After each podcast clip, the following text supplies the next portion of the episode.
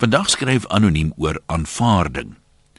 Tieners is maar moeilik. Was altyd en sal altyd wees. Hulle bevraagteken mos alles. Pleks hulle tog maar net glo wat ons as ouers vir hulle sê, maar nee, nou wil hulle mos self als uitvind. Vir wat? Ons weet mos ons is reg. So gelukkig bestaan die moontlikheid nie dat hulle tot ander gevolgtrekkings sal kom nie, tensy hulle natuurlik verkeerd is. Maar ons kan seker ook nie te hard kla nie. Toe ek 'n tiener was, het die dominees en onderwysers ons gewaarsku teen rockmusiek se satanistiese boodskappe. Maar nee, ons wou dit self hoor. Tog kon ek nooit een boodskap vind nie, al het ek hoe hard geluister. En het ons hard geluister. Maar dalk was dit tog daar. Onthou jy die fliek Apocalypse Now? En uh, daai fliek is rockmusiek uit die helikopters gespeel voor skermutselings met die vyand. En in my eie army daar het ons na Nazareth geluister voor ons gaan tours jag het.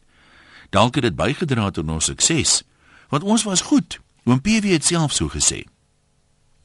Toe wil 'n paar jong mense in ons familie en vriendekring mos nou opsluit Lady Gaga toe.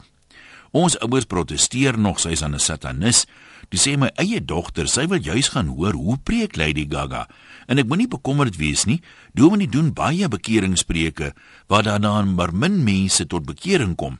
So sy sal nie sommer vir enige ding val wat Lady Gaga sê nie. En ek weet mos hoe lief is sy vir diere. So sy sal nie by 'n katslagtery of so iets satanisties betrokke raak nie.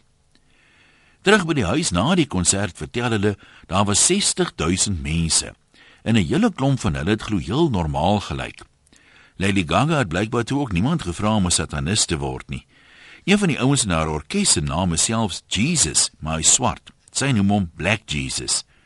Een van die kinders kom van Bloemies af en hy vertel vir ons daar behoort al die spurs aan meneer de Jesus. Lady Gaga se boodskap was blykbaar dat sy op skool maar 'n uitgeworpene was, maar besluit het sy sal mense nog wys. 'n Paar jaar terug was sy nog 'n waitress, maar hier staan sy nou voor 60000 mense, 'n wêreld superster. En sy pleit by hulle om ander mense te aanvaar nes hulle is en nie te oordeel en te verwerp net omdat hulle anders is nie. Dis eintlik 'n mooi boodskap, pa, sê my dogter. Hoekom doen pa dit nie ook nie?